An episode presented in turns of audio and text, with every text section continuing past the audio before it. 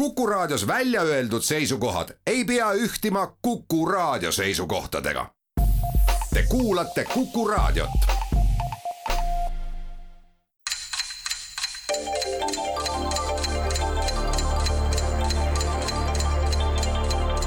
tarkade klubi targemaid küsijaid toetab lisateadmistega Postimehe raamatukirjastus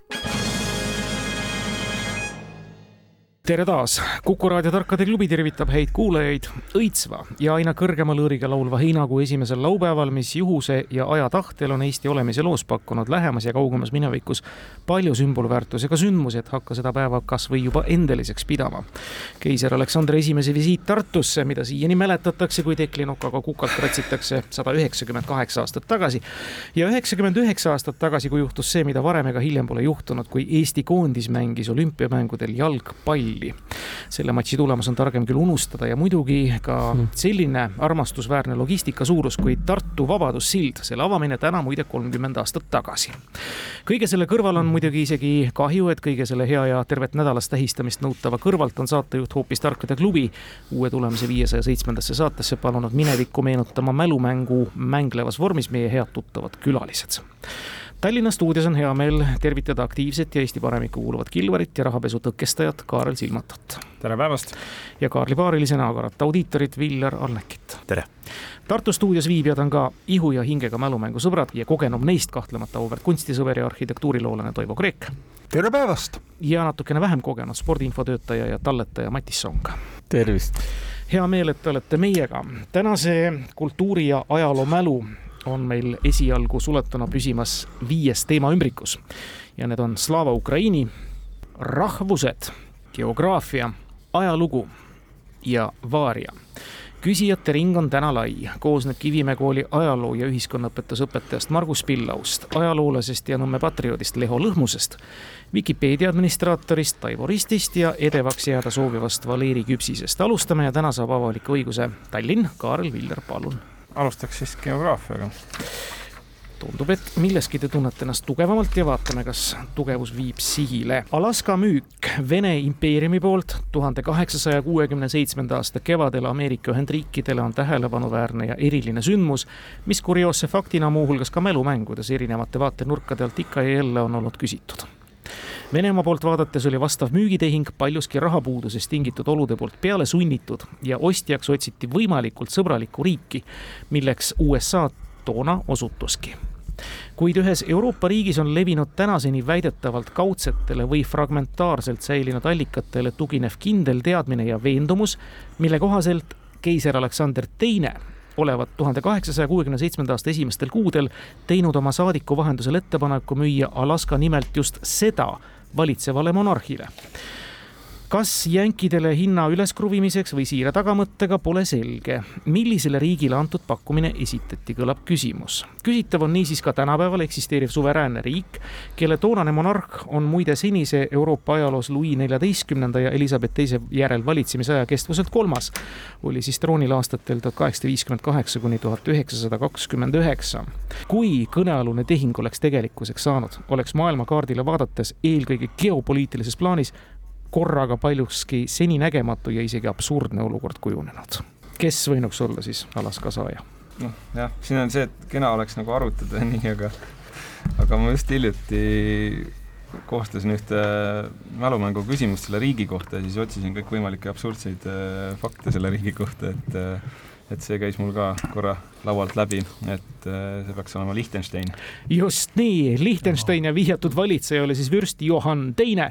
võrdluseks siis pindalalt samuti väikesele Belgiale näiteks kuulus Aafrikas väga suur Kongo valdus, aga Belgiast erinevalt ei ole Liechtensteinil ka merepiiri ja tegemist pole niisiis ikkagi mitte ka väikeriigiga, vaid mikroriigiga. Oleks Liechtenstein saanud Alaska, siis oleks tõesti vähe absurdsem see pilt kaardil tundunud. suurepärane algus, sisuliselt välk vastus ja Tartu teie valik. noh, võtame rahvused äkki siis. no lähevad rahvused. Poola endine peaminister ja samuti endine Euroopa Ülemkogu president Donald Tusk ei olegi päris poolakas, vaid nii nagu teadjamad juba ammugi kursis on, Kašubi ehk siis ühe teise lääneslaavi rahva, tänapäevaks väga väikesearvulise rahva päritolu see etniline rühm elab Poola põhjaosas siin ja sealpool Wisla suudmeala huvitav on aga fakt, et üksikuid kašuubi juurtega inimesi ja perekondi on ka meie Eestimaal elanud ning et vähemalt üks nendest on ka tuntuks saanud. lausa nii tuntuks, et Tallinnas temanimeline tänav paikneb. kes? See meie küsitav mõrvati aastal tuhat kaheksasada üheksateist Mannheimi linnas, praeguse haldusjaotuse järgi Baden-Württembergi liidumaal ja kurioosse paradoksina põhjusel, et levitas seal Vene keisri usaldusisikuna ideoloogiat, mis tänapäeva Russki Mirriga siiski mitte selle räigetes vormides võrreldav on. noh, jälle loomeinimesed, mõrvatud. ma arvan teadvat. noh, paku välja. aga kas, no küsimus on, kas tema järgi on see tänav nimetatud? Sa mõtled Wrangelit või? ei, Kotsepuud. aa, Kotsepuud. jaa, minu teada küll on. no siis, sest tema mõrvati kuskil Saksamaal ja põhjus oli see, et teda peeti Vene agendiks mm. -hmm. ja aeg oli ka umbes selline. nii et vastame Kotsepuu. Te olete targad mälumängurid, aga ma igaks juhuks küsin ka eesnime. kas see oli Otto von või? ei, oot-oot-oot. ei, ei, oot-oot-oot tegelikult kuna küsimuses seda nõutud ei olnud, siis ma loen vastuse õigeks, ma aitan teid selles eas. Otto von oli siis tema sugulane, kes läks maid avastama ah,, aga tema oli siis August von Kotzebue, eelkõige sai okay. kirjanikuna tuntuks ja tema oli üheksateistkümnenda sajandi alguses ka Eesti ja täpsemalt siis Tallinna teatriolu nii-öelda uueks looja, kes siia vahendas ja, ja lavastas ka väga palju erinevaid teatritükke, muide Don Giovanni ja kes kõik siia ära sai toodud August von Kotzebue eestvõttel. Eesti teatri isa. Eesti teatri üheks isaks kutsutu. nõnda see -hmm. ongi, üks-üks. ja väga viljakas näitekirjanik muuseas. täpselt, täpselt, väga viljakas näitekirjanik ka, üks-üks suurepäraselt jätkame ja Tallinna valik. teine Geo. ma prooviks jah teist geograafiat. Taivo Risti küsimus. soomlased nimetavad Eestit Viroks, aga Porto Viros sadamalinn asutati tuhande üheksasaja kahekümne kaheksandal aastal oma riigi suurima ja ilmselt ka teatud põhjustel maailma ühe tuntuma jõe deltasse juba aastal tuhat üheksasada kolmkümmend kuus elas seal kakskümmend neli tuhat inimest, hiljem küll rahvaarv vähenes ja tänapäeval elab seal umbes neliteist tuhat inimest. jalgpallimeeskonda seal teadaolevalt ei ole, aga millises riigis asub Porto Viro? teatud põhjustel maailma üks tuntumaid jõgesid ja tema deltasse asutatud Porto Viro. välku me vist siit ei tee, kui sa juhuslikult ei ole lugenud ka selle väikse riigi kohta hiljuti. Äh, jah, seda ma kuulnud ei ole, aga, aga teatud põhjustel. just tuntuima, mitte suurima mm tuntuima. tuntuima. see nimi viitab, et ta võib olla nii Hispaania kui ka Portugali keele riik. kakskümmend neli tuhat elanikku oli mingi kaheksa aastaga ja nüüd on mingi neliteist tuhat, noh, ei ole tegemist just megalinnaga. ehk mingit ja. väga tiheasustust. noh, see on niisugune kurioosum pigem, aga, aga teatud põhjustel maailma üks kuulsamaid jõgesid, see, see, see on nagu see vihje, millest kinni haarata. ja riigi, riigi suurima jõe deltas. Ma arvan, et see, kui see oleks mingisugune Amazonas, siis ta ei oleks teatud põhjustel maailma üks tuntumaid, ta lihtsalt ongi üks maailma tuntumaid, on ju. jah, sama, eks ju, mingi Mekongiga, selliste asjadega. jah, seal ilmselt me ei leia Suudmest päris niisuguse nimega kohti, aga oma riigi suurim jõgi ka veel mõtle mingeid hispaaniakeelseid, on ju. noh, Portugalis ei saa, seal on Porto linn ise juba on jõesuudmes. jõesuudmes on ju äh,, Hispaanias. Mosambiigid, Angolas, noh, okei okay,, Brasiilia ma arvaks ka, et mm -hmm. läheb, mhm. läheb nagu minema. mõtleks esialgu äkki portugalikeelsed ära, vähem mõelda. Portugali keeles Mosambiigi, ma ei tea, mis pidi nad suuvad, see on jama jah, et seal on ju mingid Zambezi jõed, seal on Okavango vist on see, mis läheb mingisuguseks, Limpopo on just ma tahtsin, ma tahtsin ka korra öelda, et noh, mingil põhjusel, eks ju, tuntud jõgi, noh, Limpopo on täpselt see, millest oli nii-öelda nõukogudeaegsed lapsed on ju teadsid Limpopost hästi palju. seal oli see doktor Aivalus ja, ja, ja muud loomad, aga mm -hmm. pagan, see on äkki nagu väga-väga-väga kunstlik. no ta oleks natukene kunstlik, aga samas ta on nagu hetkel, hetkel ta on parim, nii et, et no jätame, jätame lauda. aga just see, et jalgpallitiimi ei ole, kas see viitab, et seal peaks olema siis nagu nii-öelda peaks olema nii, okei okay,, veel portugali keel, Angolas, seal on mingi Cunene jõgi, see ei ole ka hullus. no Ida-Timori jõgesid ma praegu ei tulista kohe peast. Ta ei ole ka millestki nagu kuulsad ikkagi see jõgi peab olema tegelikult tõenäoliselt millegi muu poolest kuulsam kui geograafia. ja, ja Guinea-Bissau, võtame ikkagi hispaaniakeelse maa, siis äh, Tšiilis suurim on, ma ei tea, kas Loa jõgi, Biobio jõgi, aga noh Need ei ole maailmakuulsad nagu. Äh, Venezuelas Orinoco, juba kuulsam on ju, aga ta on kus see Angeli juga, no ei, aga see ei tee. Angeli juga on peaks olema nii veidralt kombel, aga see jõgi, kus ta asub, on Kauja jõgi, sest see esimene mees, kes sinna jalgsi jõudis, oli lätlane, aga see on ainult selle mäe peal. jällegi. ja seal pole, seal pole linna, see on keset džunglit, on ju. just, millest tuntus, on ju. mingid Magdalena jõgi on Kolumbias, Ecuadoris on mingi Guaya, Guayase jõgi vist. Mehhiko.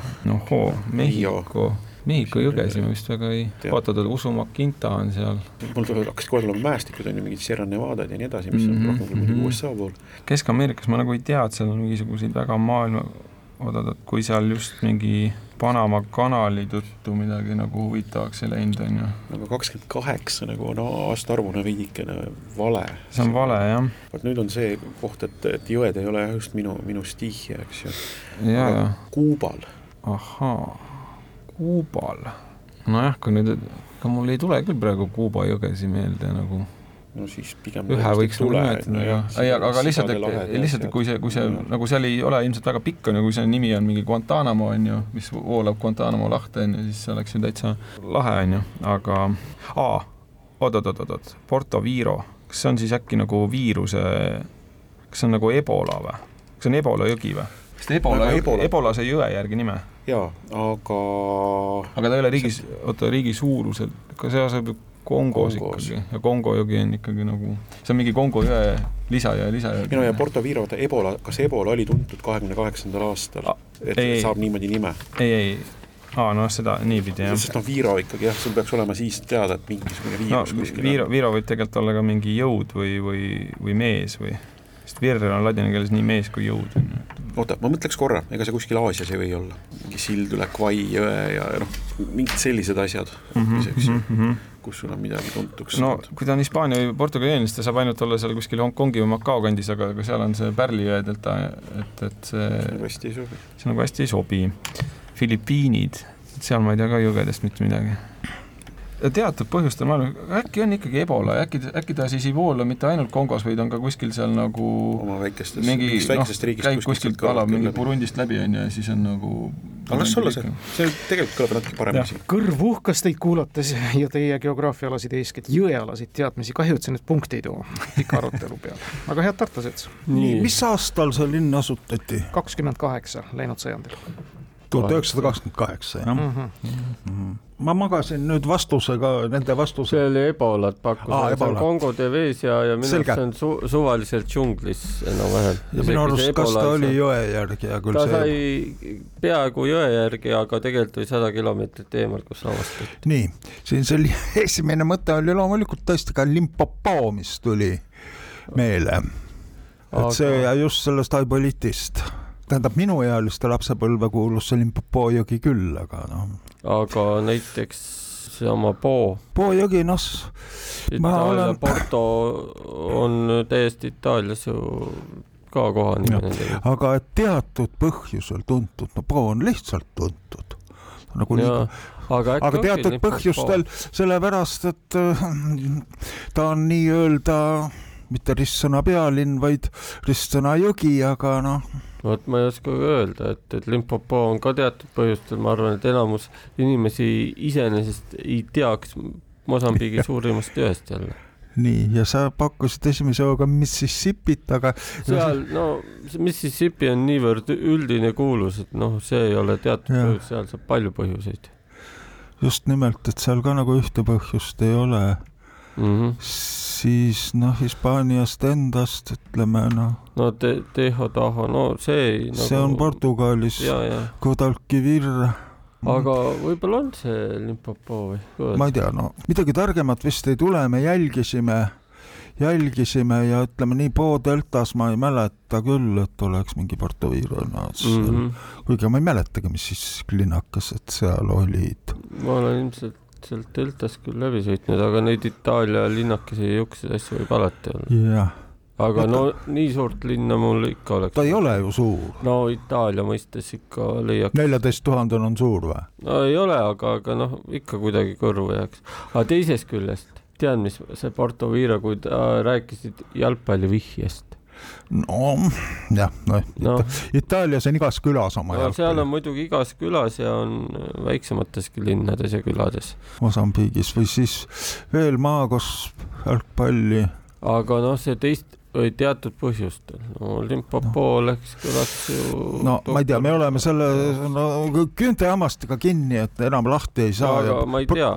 proovime või? no proovime Mosambiik, Limpopo. ai, ei, ei, ei, ei, nüüd on ikkagi Ikka. see lugu, et jäi lauda ja see on Po jõgi Itaalias oh.. täpselt nii, ma mõtlesin, et vana ristsõna toimetajana võinuks ju natukene sinna suunas minna, aga läksite vist natuke liiga lukkuma Hispaania-Portugaliga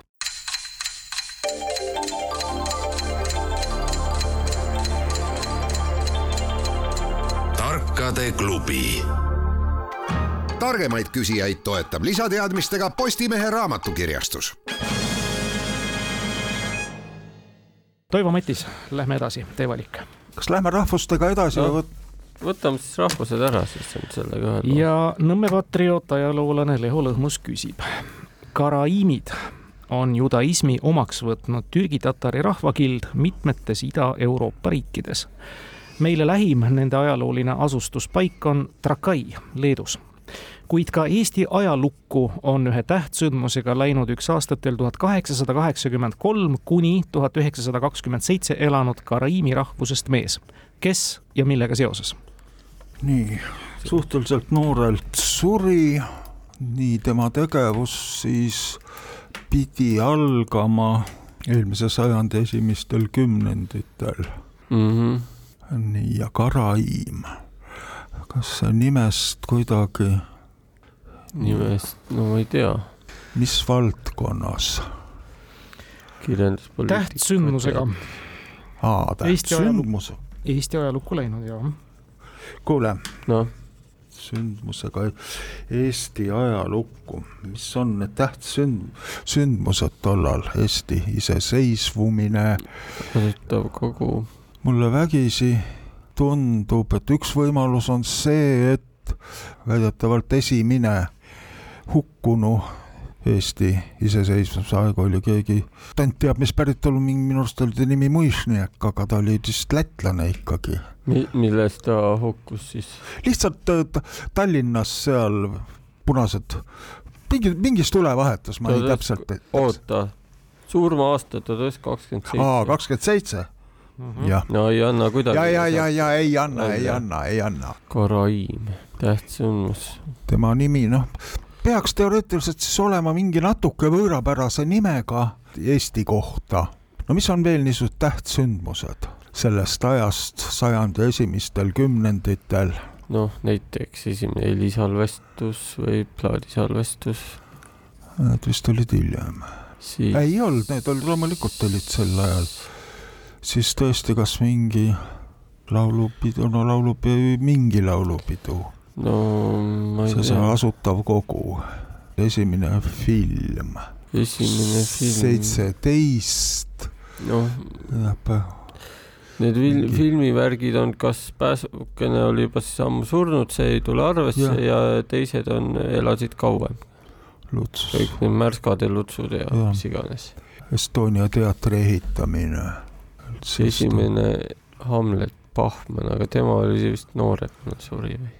Bachmann, kuule mm.. Adagio Bachmann, mis iganes ta nimi on, või Agio, Agio vist on. see võib, minu arust ta umbes sellel ajal suri, aga. jah, äkki ta oligi, et Bachmann esimene siis... Eesti Hamlet.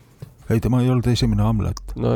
ta oli see hommikuteater no,, kui me, no. kui me ühte meest praegu mõtleme mm. -hmm. veel mingi ehitusmeister, mingi peale Estonia võib-olla veel mingi maja ehitaja. oota, kes see, see Burman oli vist? Burman ei, see, Burmanid oli esiteks palju ja nii, nii need eluaastad küll ei taha ja, jah, seda küll. kuule. Alfred Neuland elas kaua, Kütsepp elas kauem. ega jumala eest, ma nüüd praegu mul ei tule need sünniaastad täpselt meelde. ega Konstantin Konik ei saanud Karaim olla. teoreetiliselt ta võib olla, noh, nimi aga, on. aga Konik. ei, need eluaastad, kas ta ikka nii noorena suri? vot mm, tema jäi suhteliselt varju ja noh, ma ei tea muidugi, minu arust elas ka pigem kauem, aga. ega ta väga kaua ei elanud, ta suht-, suhteliselt äkki no... on Konstantin Konik Eesti Päästekomitee liige? no ma ei tea, ega vist targemat ei tule. pakute? pakume või? Pakume. ei ole kahjuks õige vastus, doktor Konik ja nüüd pusinud on. no just, siis ei pruugi ta üldse eestlane olla. siis ta ei pruugi eestlane jah, et see on Eesti ajalukku. tähendab, et päris hea mõte. ma ei kujuta ette, kui vanaks ta elas, aga, aga äkki on ikkagi, äkki sündmus on ikkagi sündmus on Tartu rahu ja niisugune mees nagu Joffe. suurepärane tuletis, tõepoolest Adolf Joffe, kes on Nõukogude Venemaa esindajana teisel veebruaril tuhat üheksasada kakskümmend Tartu rahulepingule alla kirjutas. tänapäeva Eesti tuntud isikutest muide on Karaimi päritolu omistatud president Toomas Hendrik Ilvesele tema emapoolse vanaema kaudu. Kaks-üks Tallinna ees, rahvused läksid ja nüüd on meil jäänud kolm teemat, ajalugu, Vaariat või Ukrainat, mille võtate? Läheks äkki ajaloo peale jah, proovime seda ajalugu siis. Mhm. tuhande viiesaja viiekümnendal aastal andis Gustav Vasa Porvoo linna elanikele käsu oma kodudest lahkuda ja mujale ümber asuda. see Rootsi stiilis omamoodi küüditamine oli kaudselt ka Tallinnaga seotud. mis kuninga kõnealuse käsu põhjus oli või mida see konkreetselt ette nägi? nii, millest me nüüd kinni haarame siin? kaudselt Tallinnaga seotud. Liivi sõda algas tükk maad hiljem, viiskümmend kaheksa noh, ma ei saa nüüd öelda, et see nüüd ajaloo mõistes nüüd nagu nii tükk maad hiljem on, aga aga jah, ta algas, algas hiljem. et jah, et see kaheksa aasta pärast algab sõda, et kaduge, kaduge kodust välja on võib-olla natukene karm lähenemine, aga noh, mis Tallinn oli? Tallinn oli sadam kahtlemata sel ajal mm. -hmm. Porvo nagu võiks ka mingisugune jäätumine kuidagi. olla sadam, aga, aga noh, näit-, näiteks, et ehitad sadamat, tead, kõvasti töid süvendad, möllad, no aga võib-olla ongi, et lammut, linn, Porvo ei olnud sel ajal ju väga suur linn. noh, mõtleme edasi, see, mul ei ole kahjuks teadmist. ei, aga, aga ma mõtlen, et äkki, äkki see on nagu mingi ilmastikuga ikkagi seotud, et või noh, kaudselt Tallinnaga, aga, aga lihtsalt, et äkki kui Läänemeri nagu kinni jäetub, siis on nagu no aga Tallinn, Tallinn jäetub samamoodi no,. Paldiski on, eks ju, selline esimene enam-vähem jäävaba. no toona ta Paldiskit ei olnud. Paldiskil tuhat seitsesada kaheksakümmend. aga ongi, et Tallinna, Tallinna sadam ei olnud ka jäävaba ei lihtsalt, et kui see nagu kaudselt Tallinnat mõjutab, siis ma nagu mõtlen, et noh, et äkki on kuidagi Läänemerega kuidagi seotud, on ju, et aga võib-olla, aga noh, teine variant ongi, et Tallinn on, eks ju, ka nagu kaubandusega seotud ja taheti Tallinnale mm -hmm. konkurenti tekitada, siia saagu sadam, eks ju. või siis, et need Porvo tüübid saadeti Tallinnasse? no aga Gustav Vaasa, nojah, okei okay,, Gustav Vaasa tuhat viissada viiskümmend jah, et saatis midagi ehitama, kindlustusi. no aga mm. miks ta, miks ta peaks neid Porvost võtma, et Tallinna kindlustusi see on, see on väga hea küsimus, miks ta võta, võta Saku kandist, eks ju Nad pidid millelegi ette jääma, just et kui see on küüditamine, sa, olgu, et palkan mehed kuhugi midagi ehitama, aga sa jätad naised-lapsed ju maha. aga hetkel tähendaks seda, et nad, nad jäid ette kuhugi. miks sa neid muidu ära küüditaks? Isegi sellel ajal kuningad ei küüditanud lihtsalt huvi pärast, et tuli täna selline hea mõte, et muudaks linna asukohta. nii, aga tuhande viiesaja viiekümnendad üldse, mis, mis nagu Eestiga veel nagu seonduda võiks? viiekümnendal kui sellisel midagi vist väga ei olnudki, sest mm -hmm. tõesti, et Venemaa juba nagu hakkas peale suruma siit-sealt. millal äh, Ivan Neljas võimule tuli? Sa tead aastat oi, pagana peast ma nüüd nii hästi ei tea, vot viiskümmend kaheksa ta oli küll juba võimul. no siis ta oli kindlasti võimul, jah. jah, aga, aga kas ta tuli nüüd? okei okay,, no ütleme, sealt me ei jõua kahjuks ilmselt kuhugi väga palju lähemale, et, et et see kümnend on meil kuidagi natukene jätsime vahele kui okay. jutuseks läks, aga aga noh, mõtleme, mis veel saab Tallinnaga olla seotud, tõesti, et esimene loogiline mõte oli see, et, et näiteks hakati mingit sadamat ehitama, Porvo majad jäid jalgu, majad maha, aga noh, kui majad maha, siis läheb rahvas ka. ja no ongi, et kui sa ehitad konkureeriva sadama, siis see tegelikult mingil määral mõjutab tõenäoliselt Tallinna ja Porvo on praegu ka olemas, ehk see ei olnud Porvo hävitamine. aga miks minul lihtsalt see esimene variant, et, et äkki Läänemeri mingi jäätus ära, nagu oligi täitsa nagu kinni ja siis ei olnud nagu noh ähvardas mingi näljahäda, et, et niisugune noh. no aga miks sa peaks, miks see on nii-öelda kaudselt Tallinnaga nii-öelda seotud ikkagi? ei no selles mõttes, et seesama Läänemeri jäätus Tallinnas ka, on ju. nojah, aga siis see Tallinna seos on muidugi väga-väga-väga kaudne. nojah, aga, aga samas, kui sa kuskile mujale sadamat ehitad, ega see on ju ka üsna nagu no see ongi, et jah, konkurents nii-öelda, et mm -hmm. siinkandis Tallinnal tegelikult sel hetkel ega ei pruukinudki väga palju et muidugi nüüd on, kas Helsingi oli siis juba korralik sadam? ei, Helsingit polnudki siis minul no,. vot, näed, geograaf, just, geograafia mul aeg-ajalt ikkagi, eks ju, longab. No ja Peter ja, ja Peterburi nagu oli, oli veel, eks ju, niimoodi peaaegu üle saja, üle saja viiekümne aasta aega. no kuule, aga siis läheme äkki sellega, et see on mingi ainukene mõõdukalt loogiline asi, milleni suutsime jõuda, kõik ülejäänud oleks täpselt samamoodi üle pea visatud. suudad sa selle kuidagi Andres Keililikult sõnastada? jaa, lõdvestan häälepaelu ja üritan jõuda tippvormi siis selle vastusega. et äh, põhimõtteliselt asustati siis Porvo elanikud ümber, et äh, anda võimalus või teha ruumi siis äh, Porvo sadama või sadamarajatiste ehitamiseks. see seos Tallinnaga on siis kuidagi kaubandusega seotud. Tartu. nii, Matis pakkus välja, aga seos Tallinnaga, minu arvates teil jooksis see konkurentsi teema läbi aga kas äkki hakati Helsingit ehitama, et oli rahvast vaja? täpselt nii, see on see õige ja. täpne vastus. tuhande viiesaja viiekümnendal aastal rajati Helsingi, isegi kuupäev on ta ikka olnud mhm. kaheteistkümnes juuli ja mhm. käsk siis vast loodud Helsingisse elama asuda. uus linn loodi tõepoolest selleks, et Rootsi-Läänemere kaubanduses Ordule kuuluva Tallinnaga võrreldes eelise saaks. algselt pidi rajatava linna asukohaks saama Sandahamina sadama aga siis valiti selleks Helsingi mm. Kosevi kärästiku või rootsi keeles Helsingforsi piirkond Vandajõe suudmes, praegune nõndanimetatud vanalinn. ja kuna kümmekond aastat hiljem ka Tallinn Rootsi riigi koosseisu läks, kaotas vastloodud konkurent oma kavandatava tähtsuse ja hilisem uus Helsingi linn rajati keskusega sinna, kus ta siis tänasel päeval on Vironiemile ehk siis Eesti Neemele. see oleks mm. olnud see vastus ja keelilik vastus oli lähedal, see oli hea, aga ei toonud punkti kaks-kaks, jätkame viigiseisult pärast poolt mängu ja tartlased kas võtame ajaloo lõpuni või lähme Ukraina kallale? Läheks ajalooga lõpuni. selge pilt. Taivo Risti küsimus. teise maailmasõja ajal toimus ka selliseid sõdu, mis olid maailmasõjas täiesti eraldi. ehk siis kumbki sõdivatest pooltest polnud teljeriikidega ega liitlastega seotud see sõda toimus tuhat üheksasada nelikümmend üks ning suurem riik vallutas väiksemast ära rohkem kui poole ja liitis enesega. suurem riik muutus veel suuremaks, väiksem jäi veel väiksemaks aga see väiksem riik tunnustas rahulepingut alles tuhat üheksasada üheksakümmend kaheksa. jalgpallis on mõlemad sõdivad pooled korduvalt pääsenud MM-finaalturniirile, üks neist muide mullugi. millised kaks riiki omavahel sõdisid? nii. millised riigid omavahel sõdisid? igasugune loogika ütleb, et see peaks olema kuskil Ladina-Ameerikas, kas Kesk-Ameerikas, Lõuna-Ameerikas. Boliiviat armastati harvendada, aga ma ei tea, kuidas see Boliiviaga. Boliivia no Peruga, ma ei tea, kas Peru seekord. Boliivia ja Peru minu arust ei olnud. seekord ei olnud MM-il. Costa Rica. minu arust Costa Rica on suhteliselt rahumeelne olnud.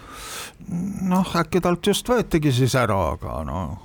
aga kes Honduras või? no Honduras ja Salvador, need sõdisid hiljem omavahel ja tuhat üheksasada neljakümne esimesel aastal, aga no üks asi on jah Ameerika, aga ei tasu sellest Ameerikast väga kinni olles võis ka Aafrika, kuigi Aafrikas tollal tegelikult ei olnud suurt iseseisvaid no, riike. Nagu, jah.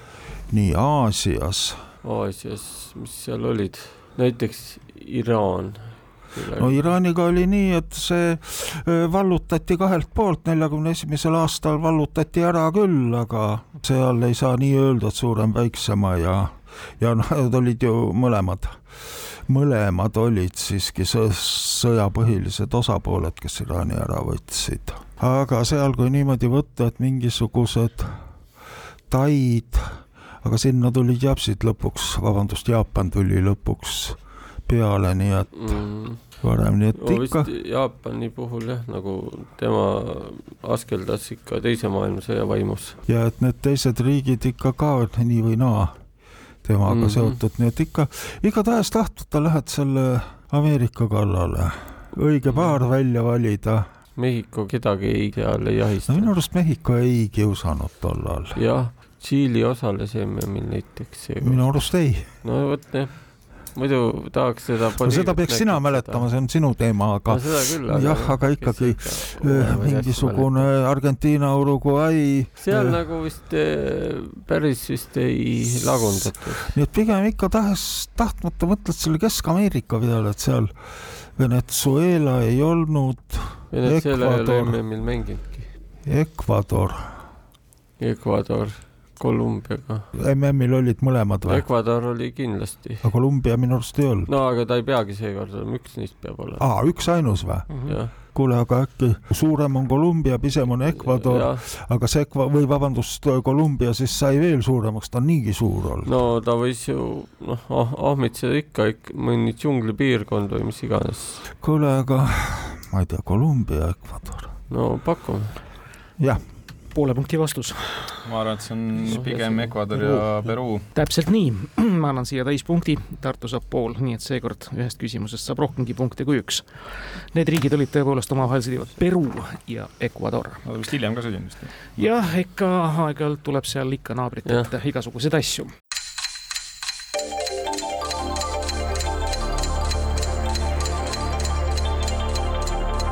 tarkade klubi. Targemaid küsijaid toetab lisateadmistega Postimehe raamatukirjastus ega midagi, nüüd on ajalugu ka selja taha jäänud, me jätkame mänguseisult, kus Tallinn kolm, Tartu kaks pool, Ukrainat või Vaariat, emba-kumba. tead, minu arust eelmine kord see Ukraina see mingisuguse alkoholi küsimus oli nii karm. nii karm jah, et tekitas noh, jänu. muidugi jah, nüüd ajas jõuma, otsesemalt öeldes, aga no võtame siis Vaaria tõesti. no proovime Vaariat jah mõni nädal tagasi teatati Kireva gloobuse või maailma mõnda tüüpi uudistes, et Minnesotas elav Kai Michelson on kokku pannud mootorratta, mille mootor ühe ebahariliku kütuse jõul sõidab. küsimegi, millega too tsikkel siis liigub. leiutaja ise tõi enda originaalse lähenemise põhipõhjuseks bensiini hinna kallinemise ning lisaks on ta vaatluse all olev ettevõtmine, küll omapärasel äraspidisel kombel, ka kõikjal moes oleva ökoteadlikkuse kasvuga seotud sellest võite õigesti välja lugeda, et oodatav vastus on bioloogilist päritolu. Michelson kasutab konkreetselt Mesopotaamia vastava valdkonna jumalanna Ninkasi nime kandva firma toodangut viisteist aastat tagasi oli juba samalaadi uudis ei kellegi muu kui Charlesi, siis veel teatavasti Walesi printsi kohta. tema sai oma Aston Martinile hääled sisse analoogilise, kuigi mitte täpselt sama toiteallikaga. vastava valdkonna jumal, Ninkas no mida, mida, mida hakati Mesopotaamias tegema muidugi, eks ju, kõigepealt. õlut tegid sulerid on ju? jah, õlut täpselt, mul jooksis mõte nagu sinnasamasse kohta, aga kuidas nüüd nagu õllega, no muidugi, kui sa piisavalt destilleerid kõike seda, siis saab õllest ka päris kange see, see, see jumal ei ole nagu nende niisugune kuulus jumal, ta ei ole seal põhipanteoni nagu tuntumate nimede hulgas, aga, aga ta on niisugune vähe, vähem tuntud ökoteadlikkuse kasvuga seotud. no muidugi, et prints Charles paneb oma Aston Martini õlle pealt jooksma, on no, suhteliselt selge, suhteliselt huvitav aga siin on öeldud, et analoogilise, kuigi mitte täpselt sama toiteallikaga. mingi teravilja siis või?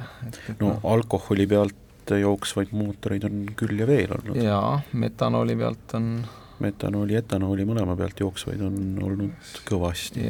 noh, üks võimalik lauas olev variant on ka see, et pannakse selle nii-öelda kasutatud toiduõliga, on täiesti praegu juba, juba pandud erinevaid asju jooksma oh.. aga, aga noh, kasutatud toiduõli ja Mesopotaamia jumalaga nagu seotud, no, see läheb nagu natuke keeruliseks.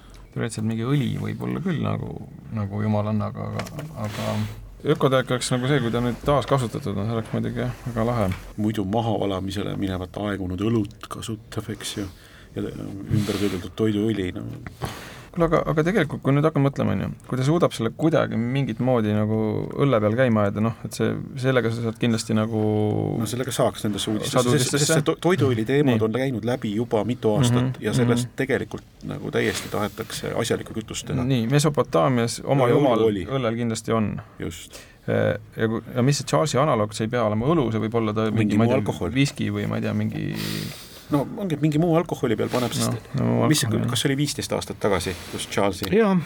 Sel ajal oli päris äh, kõva teema oli, eks ju, see, et, et teeme, teeme biokütust äh, ja siin pooled, eks ju, vihmametsad raiuti maha, et teha ruumi maisile, millest siis omakorda tehti bioetanooli, mis tundus hästi hea mõte. sest noh, mingid muud alkoholid, ütleme mingi palmiviina jookse Aafrikas rohkem, on ju, mingit suhkruroo, mingit asja, see on noh. no ütleme, et Prince Charles pani auto toiduõli peal jooksma ikkagi, vaata see no. variant või pani lei-, leiva peal Aston Martini sõitma, Walesi prints, ma arvan, et seda, seda oleks ka kroonimise aega veel meelde tuletatud, ma ei tea. ma arvan, et see Charlesi, noh, see analoog, see võib see olla see võis olla mingi muu alkoholi peal sõitev, see on ja. täiesti nagu noh, see võiks olla no aga siis peaks ikkagi proovima legendaarsemate Tartu vastajate moodi vastata kui me nüüd vastame õlu ja siis vastuseks on üks vein, siis on pahasti. no kuna ma tean, et te seda mõtlete, ma panen punkti juba ära lihtsalt okay., lihtsuse huvides, et mitte aju krussi ajada, see on tõepoolest õlu, nii lihtne see ongi, Nikassi oli siis sumerite õlle, õlle pruulimise ja laiemalt võttes käärimisprotsesside jumalanna. prints Charlesi auto, kui nüüd küsite, tema sõitis veiniga. mõlemad kütused on siis mm -hmm. oma mhm. olemuselt bioetanoolid. nii et prints Charles lähenes ikkagi sinivereliselt asjale. Tallinnal neli, Tartul praegu kaks pool, kolm küsimust lõpuni minna, kõik võimalused lahti. ikkagi said alkoholi küsimuse. Ukraini või? Jah, meie läheme Ukrainasse. ja näed, kui hästi satub jälle. maikuu lõppes äsja ja see meie eestlaste jaoks rahvapäraselt lehekuu kannab nii ukraina kui valgevene keeles teatud loodusliku fenomeni järgi nimetust mis niisugusel originaalkujul juhusliku kokkulangevuse tõttu ühe kirjaniku, aga mitte Ukraina oma pseudonüüm perekonnanimi on. Öelge see kuu nimetus või pseudonüüm. vihjatud kirjaniku eesti keeles eri aastakümnetel ilmunud saksa keelest ümber pandud teosed on Tänukiri, Puu villanopjad, Surmalaev, Bandiitide tohter ja Sierra Madre Aare. Toivo Kreek tundis ennast juba eelmine kord väga hästi ukrainakeelsete kuude nimetuste tundjana. Need kirjandusteosed on, on mulle väga tuttavad ja nende, tead või? ei. nii et ma ütlen siis välja või? no ütle välja. no see kirjanik on Bruno Traven õige, Traven ehk rohukuu kirjanik Bruno no. Traven, müstiline autor, kelle täpse päritolu ja elukäigu kohta ainult oletused ringlevad ühe versiooni kohaselt muide on ka Traven tegelikult tema eesnimi. nii et suurepärane punkt mm, -hmm. sisuliselt välk vastus, kolm pool Tartu, neli Tallinn, nii et jälle selline minimaalne vahe sees. ja jällegi sama valik, Varia või Ukraina no vot, nüüd on, nüüd no, on hea. no see Ukraina oleks mulle ka sobinud, aga, aga aga tegelikult ikkagi vist pigem prooviks varjata. No ei, ei vaidle vastu. ja sel kuul saab sada viisteist aastat ühest omapärasest sündmusest, mis leidis aset Tallinnas, toonasel heinaturul ehk praegusel Vabaduse platsil. mainitud varem kokku lepitud päeval rivistusid väljakule võimalikult palju voorimehed ja ratsapolitseinikud kogu linnast ja mitte ainult nemad vaid ka kõik hobuse omanikud, kes olid siis suksudega kohale tulnud.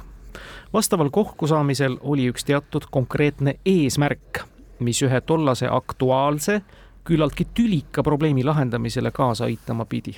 millise probleemi? õige vastus on nii urbanistika kui loomapsühholoogia valdkonnast tuletatav. ma ei tea, kas sa, Kaarel, tead seda sündmust? Äh, tuhat üheksa. kaheksa, tuhat üheksasada kaheksa oli see nüüd vist on ka see, et võiks, võiks hästi, hästi kaugelt ja kaua keerutada, aga mul on kahtlane tunne, et ma ikkagi kas see, kas see on midagi sellist, et, et midagi masinaid tutvustati või? Jah, et äh, Tall-, põhimõtteliselt nagu Tallinna hobustele, et noh, ühesõnaga asi, millega nagu on seotud, ma ei tea, ütleme siis sisepõlemismootoriga elukad või, või täpsemalt autod, aga, aga selline traumeeriv hobustele. nii traumeeriv, et, et, et tutvustada ilma sisepõlemismootorita elukatele siis sisepõlemismootoriga. kõik õige, see oli hobuste kohtumine mm. autodega, et hobused nendega harjuksid ja enam ei kardaks. algava autostumise tingimustes oli juba mitmeid sellega seotud ebameeldivaid intsidente aset leidnud. viimased voorimehed ja hobused linnast kadusid alles pärast teist ilmasõda viiekümnendatel aastatel. viimane küsimus jääb meil nüüd mängu lõpetama ja mul tundub ja. praegu vist, et on revanš juba Tallinna poolt eelmise nädala eest saadud, nii jälle võrdsete mäng ja vastased on teineteist väärinud, aga vaatame, kuidas see laupunktiga nüüd jääb, Ukraina. ja see küsimus ei ole millegi Ukrainas asuva ega Ukraina kultuuri kohta, aga valitud teemas püsib ta põhimõtteliselt siiski aga alustame kaugemalt, endisest Jugoslaaviast, selle osaks olnud Horvaatiast, Spliti linnast, kus neljandal veebruaril tuhat üheksasada kaheksakümmend kuus anti ühe ettevõtte jaoks teatud konkreetne tootmiskäsk, midagi valmis ehitada. Kaks aastat ja viis kuud hiljem ehk neljandal juulil tuhat üheksasada kaheksakümmend üheksa pärast valmimise mitmeid erinevaid sümboolsete rituaalidega tähistatud etappe anti toode lõpuks ekspluatatsiooni, mille kohta täpselt niisiis jutt käib. See jah, ei asu Ukrainas, vaid on oma otstarbe järgi eelkõige rahvusvaheliseks kasutamiseks, kuid siiski nüüd juba kümme aastat otseselt Eestiga seotud ning nii mõnedki inimesed võlgnevad küsitavale sõna otseses mõttes oma elu päästmise eest tänu. hästi krüptiline küsimus, mööngem. krüptiline on ta küll ja Splitis kas elustamisel mingid vahendid? üks võimalus on tõesti elustamisvahendid, aga teine asi, mis ikkagi inimesed elu päästmisega, noh, see Ukrainaga seos ikkagi kuidagi kipub olema sõjaga seoses, mis sa muud oskad arvata mm. -hmm. seda küll. aga mis see saab olla? mingi kiirabi tehti. kiirabiautod, ei noh, kiirabiautosid meil tehti siin ehitati ümber mm., aga suur tehas tuhat üheksasada kaheksakümmend kuus alustati, tuhande üheksasaja kaheksakümne üheksandal läks käiku, see oli ikka siis mm. veel, kui Jugos-, Jugoslaavia oli olemas, aga katsume kuidagi selle seose Ukrainaga välja mõelda no droone ei olnud tollal. võib-olla esimesed mingid. no modellennukid kui niisugused olid oli olemas. varem juba olemas, et droonipärased asjad, aga aga kümmekond aastat tagasi muidu iseenesest neid droone hakkas Eestis nähtama. no kümmekond aastat, aga, aga tehas on üle kolmekümne aasta juba vana. aga mida meile Jugoslaaviast niimoodi toodi? ma ei tea. ja tõesti mingisugused meditsiinitarvikud. oota, Split, on ta mere ääres? ta on ikka vist suhteliselt mere ääres. siis mingisugune veega seotud asjad kummipaadid. no kummipaadid on üks võimalus. päästerõngad ja mingisugune rõivastus. kalipsod. kalipsod äh, olid ikka, olid varem. arvan, et. varem. hapnikumaskid. äkki on hapnikumaskid, mis on päästnud, no see see, mida kutsutakse lühendatult aed. no kas see tõesti hakati neid tegema mm? -hmm aga Eestisse nad tulid umbes kümmekond aastat no, tagasi. äkki on hapnikumaskid? ei, ma mõtlen just isegi mitte hapnikumaski, vaid seda no., mida kutsutakse aed ehk. aga, aga pakkumas seda aed. minul Kas... küll nagu mõte jooksis selle koha pealt väga eduliselt. see on see, noh, tead see südamestimulaator, mis ja, siin ja. ja umbes kümmekond aastat tagasi nad Eestisse ilmusid. minu arust küll, jah no pakume seda. Ei ole see kahjuks õige vastus. Tartu meeskond on täna andnud jällegi hea lahingu tallinlastele, aga sedakorda pidanud tunnistama siis täna teist kohta. kolm pool punkti ja palun, saate nüüd panna võiduka punkti oleks see nii lihtne? oota, kuule, aga Sikorski on ju ka ukrainlane. Sikorski on ukrainlane sest noh, me, meil ühesõnaga me alguses meil mõte läks ka, et mingisugune laev, aga mm -hmm. ei suuda laevadel Ukrainaga mingit seost, eks ju, panna. Äh, mõtlesime mingi... maailma suurima lennuki peale, aga, aga et noh, kümme aastat otseselt Eestiga seotud tegelikult. see vedas ju mingit puraani umbes, et see. see vedas jah ja. seda ja, ja noh, see Maria põles, eks ju, seal praegu, praegu põles maha Ukrainas. aga, aga mingi medikopter võib ju täitsa olla, et vahetult ma ei mäleta, ma jah, ma ei mäleta seda hetke, mis aasta see nüüd täpselt oli, millal Eestisse tulid need uued kopterid, oota ei, need olid Agusta Bellid, okei okay,, aga Sikurski on helikopteri leiutaja sisuliselt ikkagi. siis okay. ta võiks ikkagi olla nagu Ukrainaga seotud ja, ja noh, mine sa hing tea, võib-olla tõesti kuidagi konstrueeriti midagi Horvaatias kuramus. ma ei see on väga, väga, väga, väga, ei see on väga nagu tuletatud, aga no see maailma suurim lennuk, see kümme aastat seost Eestiga kuidagi ei pela. ei pea ja ega sellega vist elus ikka nagu otseselt väga päästetud ei ole, et nagu no ainult väga kaudselt ja vead kuskile midagi maavärina ohvritele stiilis no, ma ei tea, kas seda nagu sellega veeti. jube kaudne. et aga, aga jah, et äh, no aga äkki kopt-, äkki tõesti siis ka natukene seda akordioni venitada selle vastusega ja, ja siis ütleks, et et noh, see nii-öelda seos Eestiga on siis Eesti praegused äh, medikopterid ja, ja ja ühesõnaga see kuidagi siis toode on kopter ja seos Ukrainaga, siis on järelikult Sikorsk. jaa, see on nüüd sama krüptiline vastus tuletatuna, kui seda võiks olla siis ka nii-öelda päris vastus või küsimus ise oligi, nii et punkte ei anna, aga võidu teile toob ikkagi tänases mängus viis, kolm pool revanši eelmise laupäeva eest. antud küsimuse vastus on ikkagi laev Spliti laevatehasest ja laeva nimi Isabelle, millel Ukraina sõjapagulased aasta jagu päevi veeta said kahekümne kaheksandal septembril tuhat üheksasada üheksakümmend neli oli toona Viking Line'i alusena veidi teistmoodi nime all, ehk siis Isabella üks nendest laevadest, mille meeskond uppuvalt Estonialt inimesi päästis. no vot, me selle seose isegi mõtlesime välja, aga kuidagi tuli see Mariella tuli ette ja, ja, ja siis, et mis selle seos on Eesti ja Isabella Ukrainaga. ja Mariella. Ja tõesti, Isabelle mm, oli ja teine ei tulnud ette, noh. ja kümme aastat on ta siis sõitnud tõepoolest nüüd siis ka Eesti lipu all nagu öeldud, Tallinn viis, Tartu kolm pool, see mäng on täna lõppenud nõndaviisi, revanš on saadud, vastased on väärinud nende kahe laupäevaga mm -hmm. jällegi teineteisi. ja tänase päeva lõpetuseks ja mängu lõpetuseks taas siis teie abiga valime parima kuuldud küsimuse. minule tegelikult meeldis see küsimus, et anti suksudele bensiinivingu nuusutada ehk siis voorimeeste, automeeste kohtumine, hobuste ja autode ja. kohtumine. tore ja mis Tallinn? aga äkki äkki jah, see Minnesota õllejumala küsimus nii et kõik on kuidagi siin sõidukitega, mootorite ja. maailmaga täna seotud. Tõepoolest, ehk siis õlu kui Kai Michelsoni tsikli kütuse allikas. no ega midagi mm, -hmm. mõlemad, aga Margus Pillo, suurepärane looming. aitäh teile, Matis ja Toivo Tartusse, suur tänu, Kaarel Viljar, täna Tallinnasse tulemast, soovime edu, jõudu, ilusat peatselt algavat suve ja uute kuulmisteni hoolega hoitud auhinnad toob kohale Smartpost Itella. lõpetame saate nagu ikka kuulajamänguga. eelmisel laupäeval lõpetas saate küsimus Rio de Janeiro linnavalitsuse otsuse kohta tõsta linnas mürataseme piiri ja seda eeskätt tulenevalt ühe ülemaailmse organisatsiooni palvele, kes vastava taotluse oli esitanud. küsisime, milline organisatsioon see oli paljud kuulajad pakkusid loogiliselt, et selleks võis olla jalgpalliorganisatsioon FIFA. aga tegelikult on õige vastus, et see institutsioon oli katoliku kirik.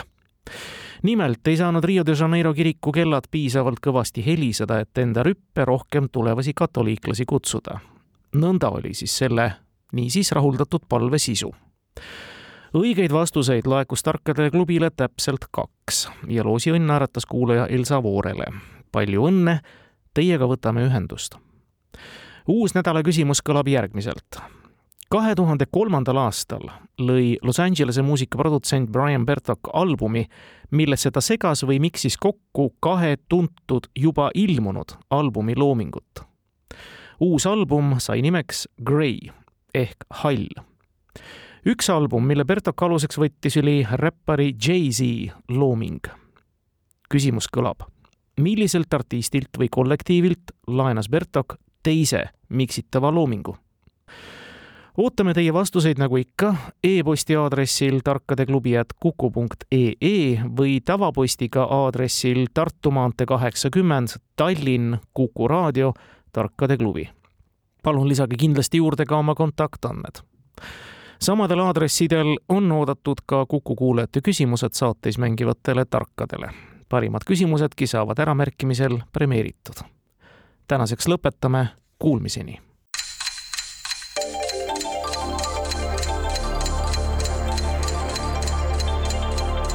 tarkade klubi. targemaid küsijaid toetab lisateadmistega Postimehe raamatukirjastus